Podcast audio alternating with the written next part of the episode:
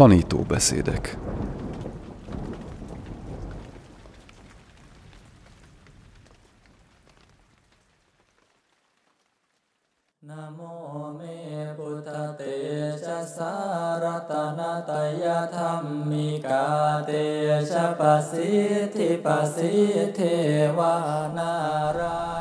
A tudatosság kiterjesztése. Alja Kéma tanító beszéde Fordította Ráckis Andrea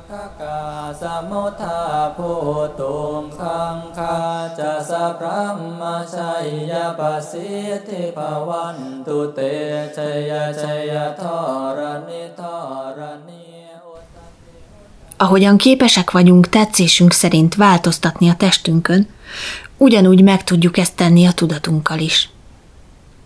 A testünk akkor változik, ha kevesebbet eszünk és lefogyunk, többet eszünk és meghízunk, túl sok alkoholt iszunk és tönkretesszük a májunkat, túl sokat dohányzunk és megbetegítjük a tüdőnket. Végezhetünk edzéseket, hogy fejlesszük az izmainkat, gyakorolhatunk, hogy minél gyorsabban tudjunk futni, vagy minél magasabbra tudjunk ugrani, jó teniszezők vagy krikettezők legyünk. A test sok mindenre képes, amit az átlagos emberek nem tudnak megcsinálni, mert nem gyakoroltak eleget. Tudjuk például, hogy egyesek az átlagnál kétszer-háromszor nagyobbat tudnak ugrani, vagy tízszer olyan gyorsan tudnak futni, mint bárki más. Láthattunk már olyanokat is, akik hihetetlen mutatványokat végeznek a testükkel, és vannak emberek, akik a tudatukat használják látványosan különleges módon ami szintén a gyakorlásnak köszönhető. A tudat edzésére egyedül a meditáció alkalmas. A testtel kapcsolatos gyakorlatok általában a test fegyelmezését szolgálják. A tudatnak a meditációban végzett gyakorlatokra és fegyelmezésre van szüksége. Első lépésként a tudatunkban üdvösre cserélhetjük az ártalmas gondolatokat ahogyan a sportolói ambíciókkal rendelkező embereknek is a legelején kell kezdeniük a test edzését, úgy a tudat formálásához is ugyanerre van szükség. Először az átlagossal küzdünk meg, utána következhet a rendkívüli. A saját halálunkon való elmélkedés segít felismernünk, hogy minden, ami velünk történik, nagyon gyorsan véget ér. Mert mindannyian meg fogunk halni. Még ha nem is tudjuk a pontos idejét, egészen biztosan meg fog történni. A halálon való elmélkedés által kevesebb jelentőséget tulajdonítunk majd annak, ami körülöttünk történik, hiszen mindez csak nagyon korlátozott ideig fontos. Felismerhetjük, hogy csak az számít, milyen karmát hozunk létre, és hogy minden nap, minden percében a lehető legjobbat hozzuk ki magunkból. Másokon segíteni a legfontosabb. Ezzel nem érhet fel semmi. Valaki más számára hasznosak lehetnek a készségeink, hiszen megtartani úgy sem tudjuk őket, és nem is vihetjük magunkkal. Oda is adhatunk mindent, amilyen gyorsan csak lehet. Az univerzum egyik szabálya szerint minél többet adunk, annál többet kapunk. Senki sem hiszi el, hogy ez így van, ezért próbál mindenki több pénzhez jutni és több tulajdont szerezni. Hiába van ott az ok és okozat törvénye. Ha elhinnénk és ennek megfelelően viselkednénk, hamar megértenénk. Mindez azonban csak akkor működik, ha tisztán és önzetlenül adunk. Felajánlhatjuk az időnket, a gondoskodásunkat, a mások jólétével való törődésünket a szívünkben azonnali jutalomként fog megjelenni a boldogság, amikor látjuk, mekkora örömöt tudtunk okozni valakinek. Ez az egyetlen olyan elégtétel, amit ebben az életben várhatunk, amely nem illan el a természeténél fogva, mert felidézhetjük tetteink és saját boldogságunk emlékét. Ha nem csak beszélünk közelgő halálunkról, hanem komolyan is vesszük, teljesen meg fog változni az emberekhez és szituációkhoz való hozzáállásunk.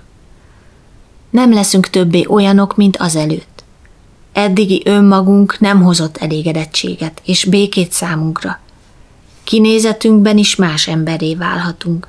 Nem vágyunk többé arra, hogy bármi is örökké tartson, mert tisztában vagyunk saját létünk múlandó természetével. Következésképp mindennek kisebb lesz a jelentősége. Olyan ez, mint amikor valakit meghívunk magunkhoz vacsorára, aggódunk, hogy ízleni fog-e neki az étel. Minden kényelmes lesz-e, és nem hiányzik-e semmi. A ház kifogástalan kell, hogy legyen a vendégek számára. Amíg a vendégek nálunk vannak, mindvégig rettentően aggódunk, hogy mindent megkapjanak, amire csak szükségük lehet.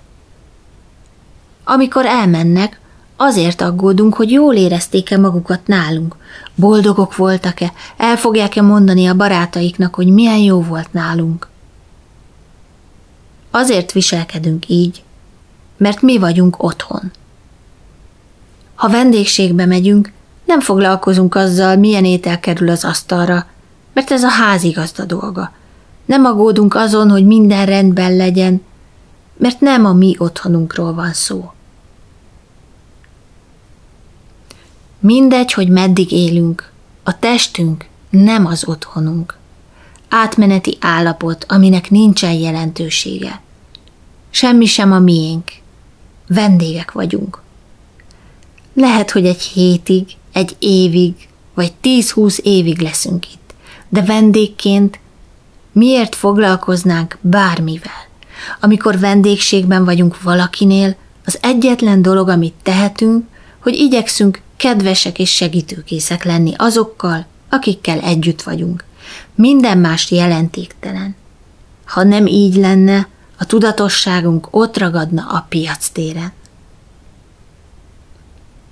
Nem az lenne egyedül fontos, hogy olyan szintre emeljük a tudatosságunkat, ahol az aktuális aggodalmainknál messzebbre láthatunk. Mindig ugyanaz történik. Felkelünk, megreggelizünk, tisztálkodunk, felöltözünk, gondolkodunk és tervezünk. Főzünk, vásárolunk, beszélgetünk, dolgozni megyünk, alszunk, felkelünk újra és újra. Elég ez egy életre? Mindannyian igyekszünk találni valami olyat ebben a mindennapi mókuskerékben, ami boldoggá tehet minket. De semmi sem tart örökké, Ráadásul mindig újabb dolgokat akarunk elérni.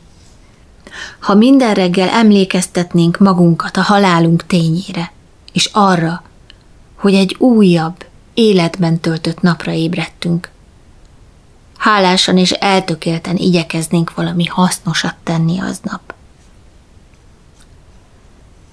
Másodszor arra kell emlékeznünk, hogyan változtathatjuk meg a tudatunkban lévő ellenségességet, durvaságot és boldogtalanságot, azok ellenkezőjére. Az ismétlődő emlékezés segítségével fokozatosan lehetővé válik a tudat átformálása. A testünk nem változik meg egyik napról a másikra.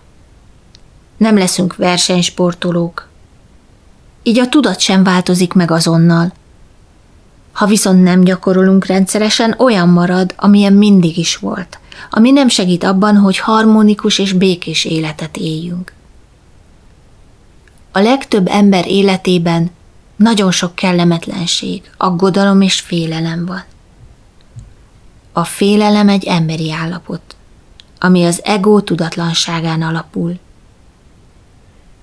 Félünk, hogy az egónk lerombolódik és megsemmisül.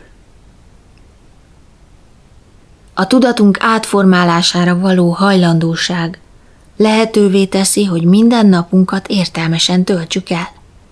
Valójában ez a különbség a puszta létezés és a valódi élet között. Minden nap tehetünk legalább egy valamit magunkért, a lelki fejlődésünk megalapozása, vagy másokért, a segítőkészségünk és gondoskodásunk fejlesztése érdekében. De a legjobb, ha mind a kettőt megtesszük. Ha minden napunkat értelmesen töltjük el, értelmes életet fogunk élni. Máskülönben önző életet élünk, ami sosem hoz megelégedést.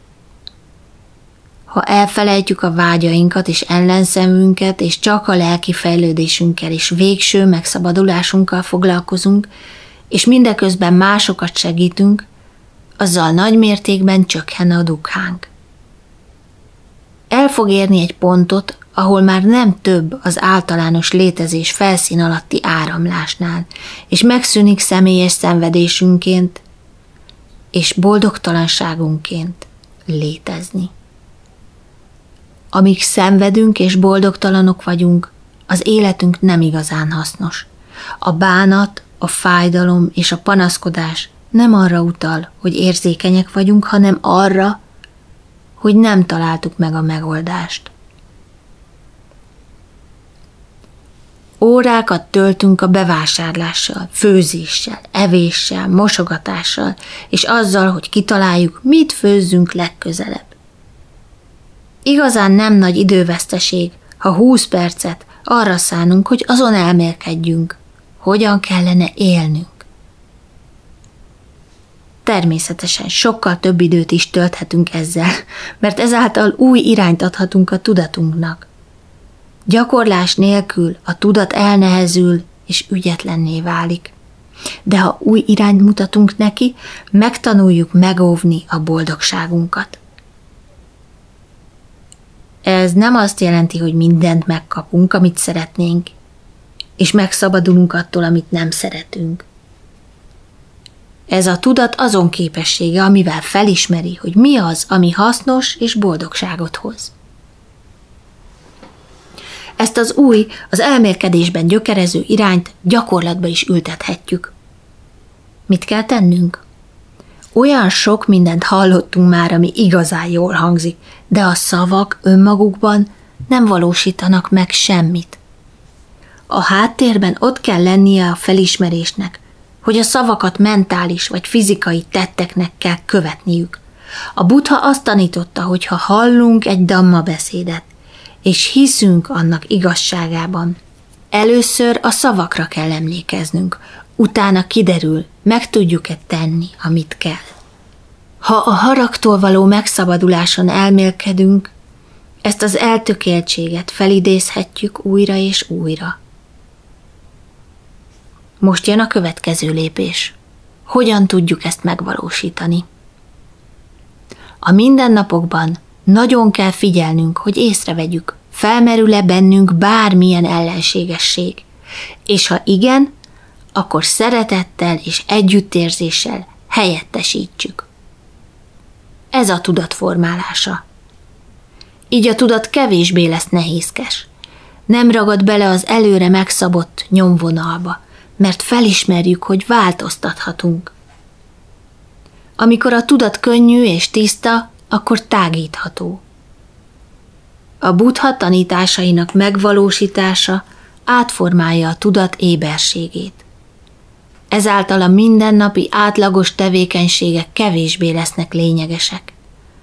Ahhoz van rájuk szükségünk, hogy életben tartsuk a testünket, és a tudatunk megőrizze érdeklődését a világ sokszínűsége iránt. Felismerjük, hogy ha ennyire át tudtuk formálni a tudatunkat, akkor végtelen lehetőségek kapujában állunk, amelyek az átlagos tudattal elérhetetlenek voltak számunkra. Elhatározhatjuk, hogy kivételessé fejlesztjük a tudatunkat. Ahogyan a sportolók esetében lehetséges a test rendkívüli látványos egyensúlya, fegyelme és ereje, ugyanúgy megvalósítható mindez a tudattal is. A buddha sokszor beszélt a helyes koncentráció által kiterjesztett tudatról. A helyes koncentráció a tudatosság megváltoztatását jelenti, mert ekkor nem a megszokott, relatív ismereteinkkel dolgozunk. Ha képesek vagyunk új irányt adni tudatunknak, az átlagos dolgok már nem hálóznak be minket olyan mértékben, és azt is tudni fogjuk, hogy ennél többről van szó. Ha fegyelmezettek, erősek és kiegyensúlyozottak vagyunk, a tudatunk képes lesz megvalósítani az éber tudatosságnak olyan szintjeit, amelyek bár meglehetősen rendkívülinek tűnnek, mégiscsak a gyakorlás eredményei. Ez azt jelenti, hogy az elménk kilép a megszokott nyomvonalból.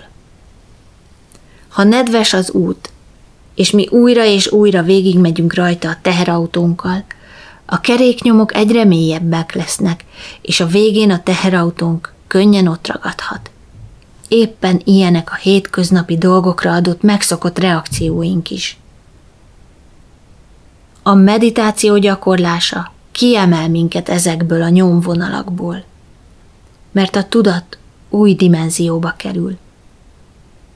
Az elmélkedés és a belőle következő cselekvés új ösvényt nyit az életünkben, ahol nem követjük többé a régi keréknyomokat.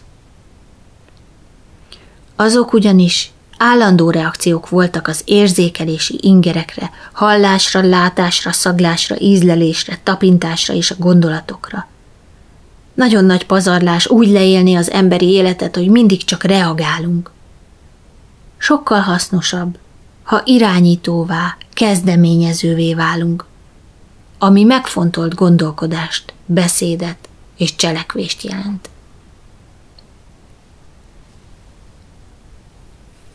Előfordulhat, hogy a koncentráció úgy is megvalósul, hogy már nincsen szükség meditációs tárgyra. A meditációs tárgy mindössze egy kulcs, de nevezhetjük horognak is, amelyen a tudat függ, hogy ne foglalkozzon világi dolgokkal. Amikor megvalósul a koncentráció, az ahhoz hasonlít, amikor a kulcs végül beletalál a zárba, és kinyílik az ajtó. Amikor benyitunk, az igazi szamáthi ajtaján egy nyolc szobás házban találjuk magunkat. Ezek pedig a meditáció nyolc elmélyedési szintje, a dzsána. Ha már egyszer képesek vagyunk belépni az elsőbe, miért ne tudnánk gyakorlással, elszántsággal és igyekezettel fokozatosan bejárni az összeset? A tudat itt tulajdonképpen elengedi az általunk ismert gondolkodási folyamatot, és visszaáll a tapasztalás állapotába. Az első dolog, ami a koncentráció megvalósulásakor létrejön, a jólétérzése. Sajnos van egy elterjedt hibás elképzelés, mely szerint a meditációs szintek lehetetlenek és szükségtelenek. Ez ellentmond a buddha tanításának. Minden tanítás, amit átadott a megszabaduláshoz vezető ösvényel kapcsolatban, tartalmazza a meditációs szinteket. Ez a nemes nyolcrétű ösvény nyolc lépése, szammá szamáthi. Ugyanígy tévedés azt hinni, hogy nem lehet elérni az igazi koncentrációt. Nagyon sokan megteszik anélkül, hogy egyáltalán tudnának róla, és támogatásra, útmutatásra lenne szükségük ahhoz, hogy további eredményeket érjenek el. A meditációhoz hozzátartoznak a meditációs szintek, mert ezek a tudatosság kiterjesztései, és egy teljesen más, általunk még nem ismert univerzumba engednek betekintést.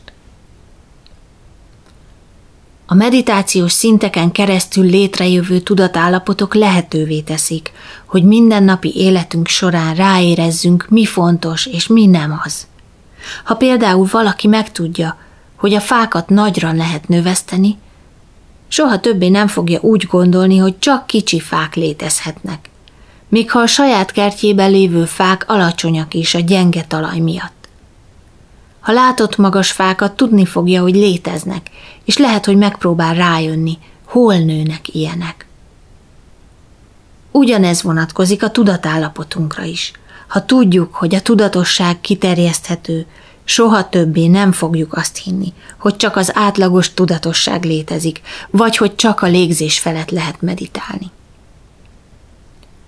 A légzésünk a horog, amire a tudatunkat függesztjük ahhoz, hogy kinyithassuk a valódi meditáció ajtaját. Ha ezt megtettük, megtapasztaljuk a testi jólétet, ami különböző formákban mutatkozik meg. Erős és gyengéd érzeteink egyaránt lehetnek, de mindenképpen kellemes érzésekről van szó. Erről az élményről így beszélt a buddha.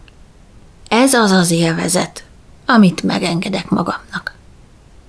Ha nem tapasztaljuk meg a világtól független meditációs állapot örömét, soha nem fogunk visszavonulni a világtól, hanem továbbra is az otthonunknak fogjuk tekinteni azt. Csak abban az esetben, ha felismerjük, hogy a meditációs állapot öröme minden világi körülménytől független, akkor leszünk képesek azt mondani. A világ és annak sokféle varázsa egyáltalán nem érdekel többé. És ekkor beáll a szemtelenség. Máskülönben miért is fordulnánk el valamitől, ami időnként boldoggá tesz minket, ha semmi másunk sincsen? Hogyan tudnánk megtenni? Lehetetlen ellent mondani az összes örömnek és élvezetnek, amit a világ nyújthat, ha semmivel nem tudjuk azokat helyettesíteni. Ez az első számú oka annak, hogy a buddha tanításában alapvető jelentőségük van a meditációs szinteknek. Nem tudunk megszabadulni addig, amíg annak a hatása alatt állunk, hogy a testünk és az érzékeink meg tudják adni nekünk, amire vágyunk, nevezetesen a boldogságot. A buddha a boldogság keresésére ösztönöz minket, de fontos, hogy a megfelelő helyen keressük. Azt mondta, képesek vagyunk megóvni a boldogságunkat. Már a legelső alkalommal, amikor fizikai örömöt érzünk a meditáció során, felvillan előttünk a tény, hogy van bennünk valami, ami képes boldogságot okozni. A fizikai jólét jó leső érdeklődést kelt bennünk, ami segít a meditációs párnán tartani magunkat. Bár fizikai érzetekről van szó, ezek nem azonosak az általunk eddig ismert érzésekkel. Mások, mert más forrásból fakadnak.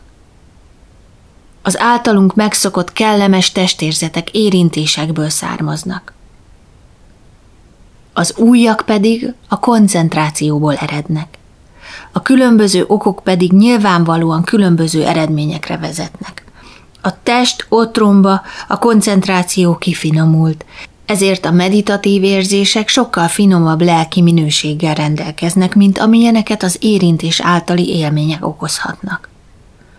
Ha tudjuk, hogy a boldogsághoz egyetlen körülményre, nevezetesen a koncentrációra van szükség, fel fogunk hagyni megszokásainkkal, ahogyan kedves emberek, ízletes ételek, jobb időjárás, nagyobb vagyon után kutattunk, és nem pazaroljuk többé ezekre a mentális energiánkat. Ez tehát egy nagyon fontos első lépés a megszabadulás felé. Olyan tudatállapotokba lépünk most be, amelyek túlmutatnak a mindennapi világi dolgokon – Mindannyian ismerjük az átlagos dolgokkal foglalkozó tudatot. Az ilyen tudat rengeteg minden miatt aggódik, ideges, tervez, emlékezik, reménykedik, álmodik, szeret, nem szeret és reagál. Ez a tudat rendkívül elfoglalt. Most először egy olyan tudatot ismerhetünk meg, amely nem tartalmazza ezeket az aspektusokat. A kellemes jólét egy tapasztalás – nem kapcsolódnak hozzá gondolatok. Itt végül megérthetjük, hogy az általunk ismert gondolkodás nem hozza meg számunkra a remélt eredményt. Éppen elég, ha megvan bennünk a hajlandóság arra, hogy meditáljunk. Már ettől, a legeslegelső lépéstől kezdve megtanuljuk, hogy a világ nem tudja megadni nekünk azt, amit a koncentráció nyújthat. A külső körülményektől független boldogság sokkal nagyobb megelégedéssel szolgál, mint bármi más a világon. Azt is láthatjuk, hogy a tudat képes kiterjedni egy másfajta tudatosság irányába, amivel eddig még nem találkoztunk, így első kézből szerzünk bizonyosságot arról a tényről, hogy a lelki megszabadulás eszköze a meditáció. Mivel részünk volt ebben a kellemes érzésben, létrejön a belső boldogság. Ez biztosítja a meditálót arról, hogy az éntelenséghez vezető ösvény az öröm, és nem a dugha ösvénye. Ezáltal nagy mértékben csökken az éntelenséggel szembeni ellenállás. A legtöbben elutasítjuk azt az elképzelést, hogy senkik vagyunk, még akkor is, ha felfogjuk a szó értelmét – Ha viszont képesek vagyunk megtapasztalni a meditációnak ezt a két első aspektusát, egyértelmű bizonyítékot kapunk arra, hogy ez csak úgy lehetséges, ha a folyamatosan gondolkodó ént átmenetileg eltemetjük. Amikor ugyanis aktív az énünk, azonnal azt mondja, ó, hát nem csodálatos, és ezzel vége a koncentrációnak. Úgy kell lennie és tapasztalnia, hogy semmi nem mondja, én tapasztalok. Az általunk tapasztaltak magyarázata és megértése később történik meg. Tisztán láthatjuk, hogy az én nélkül a belső öröm sokkal nagyobb és mélyebb természetű, mint bármilyen boldogság, amit eddigi életünk során tapasztaltunk. Így valóra válik a szándék, hogy valóban megbirkózzunk a buddha tanításaival. Addig viszont a legtöbb ember kiválaszt néhányat a buddha tanításai közül, amelyekről már hallottak, és azt gondolják, ennyi elegendő lehet. Ez lehet felajánlás, recitáció, fesztiválok, jó cselekedetek, erkölcsös viselkedés, ami mind jó, de a tanítás valójában egy nagyobb mozaik, amelyben ezek a különböző részek egy nagy, mindent átfogó egészé állnak össze. Ezek központi magja pedig a nem én. Ha csak néhány mozaik darabot használunk, sosem látjuk meg a teljes képet. A meditálás képessége viszont nagyban megváltoztatja a tanítások egészére vonatkozó hozzáállásunkat, ami felöleli mind a testet, mind a tudatot, és teljesen átformálja azt, aki így végzi a gyakorlást. Meditációs képességünket a napi gyakorlásra kell alapoznunk. Nem remélhetjük, hogy csak leülünk, és sikeresen fogunk meditálni. Ha csak a világi dolgokon jár az eszünk, és nem törekszünk a harag, irítség, féltékenység, büszkeség, kabzsiság, gyűlölet, elutasítás visszaszorítására a mindennapi életünkben.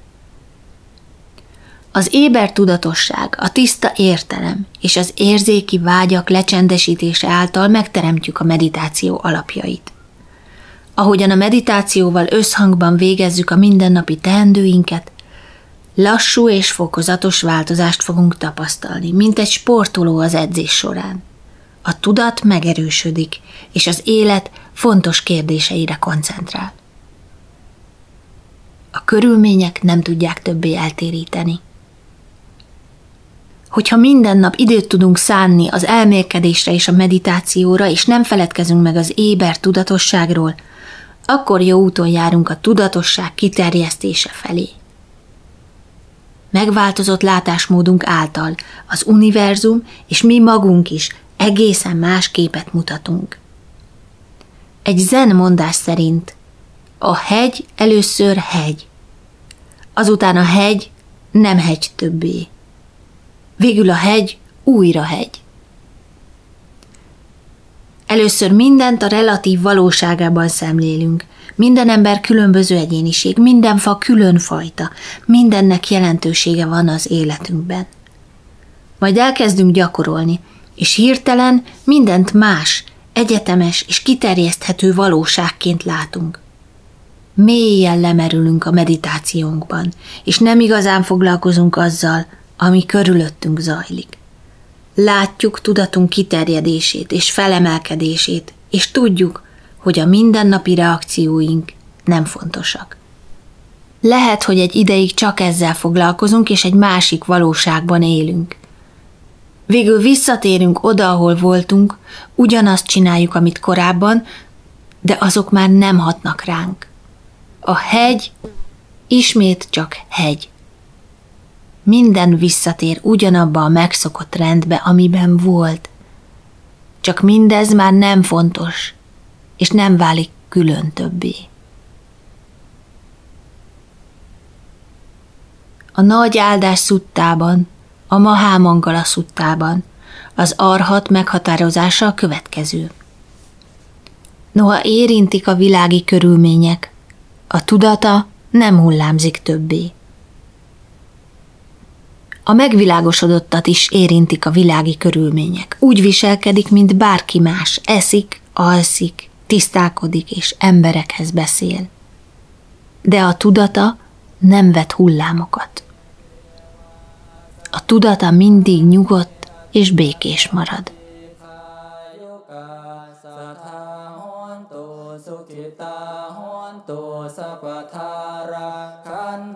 สัพพสัตตานังรักขันตุจินาสนังยากาจิปัฏนาเตสังสัพเพปุเรนตุมโนรทายุตกาเลภวัตสันตุวัสังวาสาวราหการโรคาจุปัตถวาเตสังนิวาเรนตุจะสัพพทากายสุขังจิติสุขังอรหันตุยะท ารหัง